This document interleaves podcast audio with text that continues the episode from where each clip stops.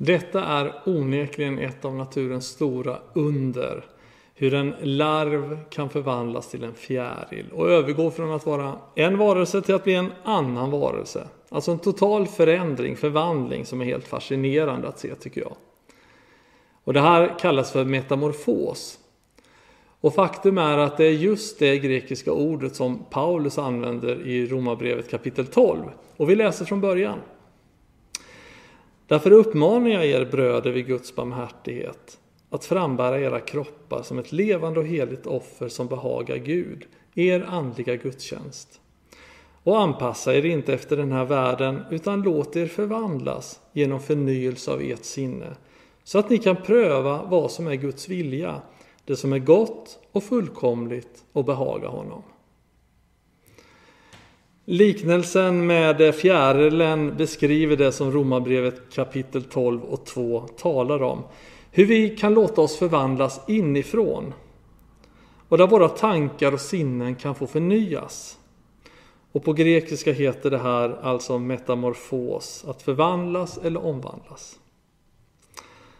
Det som sker med fjärilen i naturen det blir en fin bild tycker jag på hur revolutionerande frälsningen är. Men också hur naturlig den är. Vi blir inget annat än de vi är, ändå blir vi någonting helt nytt. Vi blir de vi egentligen ska vara, när våra tankar förnyas och berikas av Guds kärlek till oss. I eh, dagens mediasamhälle så påverkas vi ju hela tiden av de tankegångar som finns i samhället och som i stor utsträckning bygger på människans tankar om människan istället för Guds tankar om människan. I andaktshäftet Vårt dagliga bröd som jag gärna rekommenderar dig att läsa och följa så citeras det ur Nicholas Carrs bok The Shallows What the Internet is doing to our brains. Alltså vad internet gör med våra hjärnor. Och han skriver ungefär så här att det mediala samhället både förser oss med tankestoft som formar våra tankeprocesser. Och dessutom verkar det som att all den information som vi utsätts för sliter på vår koncentrations och förståelseförmåga. Alltså tvärt vad man kan tro så verkar det som att all information som vi utsätts för gör att vi blir begränsade i vår förståelse av till exempel vad som är sant och falskt och det påverkar också hur vi ser på andra människor. Jag tycker om eh, teologen och eh, bibelöversättaren John Bertrand Phillips. Han har gjort en parafras av Paulus budskap till de kristna i Rom. Och han har översatt Romarbrevet 12 och 2 så här. Låt inte världen som omger dig tvinga dig in i sin egen mall. Utan låt Gud forma dina sinnen inifrån.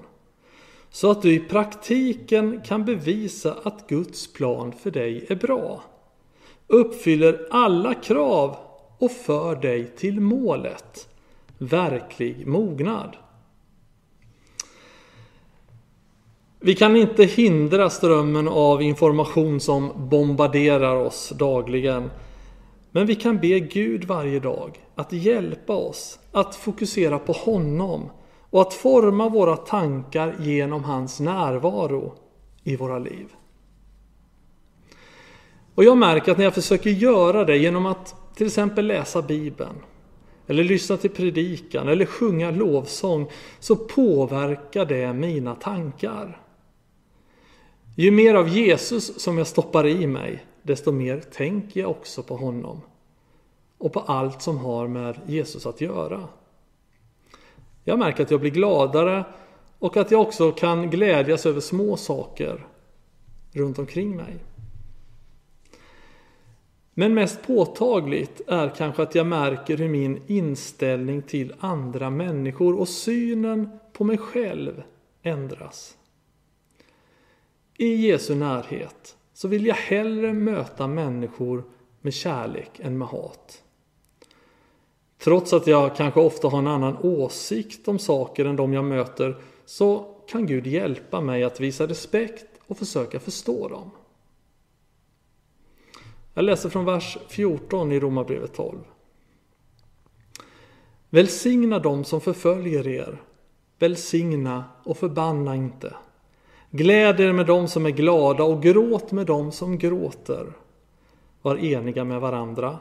Tänk inte på det som är högt utan håll er till det enkla. Var inte självkloka. Löna inte ont med ont. Tänk på det som är gott i alla människors ögon. Håll fred med alla människor så långt det är möjligt och beror på er. Hämnas inte mina älskade, utan ge rum för Guds frede. Det står ju skrivet, min är hämnden, jag ska utkräva den, säger Herren. Men om din fiende är hungrig, så ge honom att äta. Om han är törstig, ge honom att dricka. Gör du det samlar du glödande kol på hans huvud. Låt dig inte besegras av det onda, utan besegra det onda med det goda. I Jesu närhet så kan vi se på oss själva utifrån en mall som inte är världens utan Guds. Det innebär också att du inte behöver utgå ifrån dina egna prestationer eller misslyckanden.